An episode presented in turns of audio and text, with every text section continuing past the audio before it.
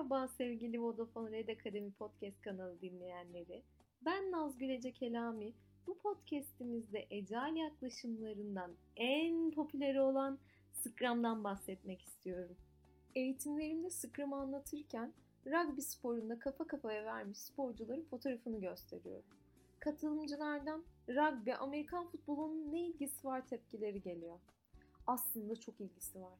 Çünkü Scrum ifadesi rugby'de bir terim. Ortak hedef ve birlikte hareket eden bir takımı anlatıyor. Tanıdık geldi mi? Evet, günümüzde çalışma biçimimiz olan Scrum'ın tanımına çok yakın. Hirotaka ve Ikiura da bizim gibi düşünmüş olacak ki günümüzden tam 34 yıl önce The New Product Development Game makalesinde karmaşık sistemlerde ürün geliştiren takımların özelliklerinden bahsederken Scrum terimini kullanmış. Scrum'un yaratıcıları olan Jeff Sutherland ve Ken Schwaber ise bu iki Japon profesörün anlattığı takımdan esinlenmiş. Şu an en popüler olan çerçeve Scrum adını bu şekilde almış 1993 yılında. Scrum'ın tarihçesini bir kenara bırakırsak nedir bu Scrum? Scrum insanların, takımların ve organizasyonların karmaşık problemler için adapte edilebilir çözümler aracılığıyla değer üretmesine yardımcı olan basit bir çerçevedir. Bunu yaparken bütünü parçalayan bir nevi denetle ve uyarla sürecidir. Peki kimdir bu ortak hedefe doğru ilerleyen Scrum takımı oyuncuları? Karmaşık sorunları sıralayan ve paydaşlarla çalışan bir Product Owner, Scrum çerçevesini koruyan, kollayan bir Scrum Master'dan ve tüm gücü ellerinde olan ürünün piyasaya kaliteli çıkmasından sorumlu developers'tan oluşur. Ve bu takım kendi kendini yöneten küçük bir şirkettir. Peki nereden başlarız sprint koşmaya?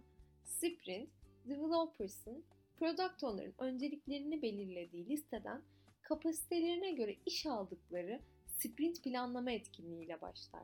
Sonrasında sprint içerisinde her gün aynı yerde ve aynı saatte Daily Scrum etkinliği yapılır. Daily Scrum etkinliği takımın planlanan hedeflere ulaşmak için engellerini ve risklerini konuştuğu etkinliktir. Sprint süresinin tamamlanması ile paydaş ve müşterilere sprint boyunca yapılan işler geri bildirim alabilmek için sunulur. Bu etkinliğe Sprint Review adı verilir. Etkinliğin bitiminde daha iyiye nasıl gidebileceklerini konuştukları sprint retrospektif yapılır.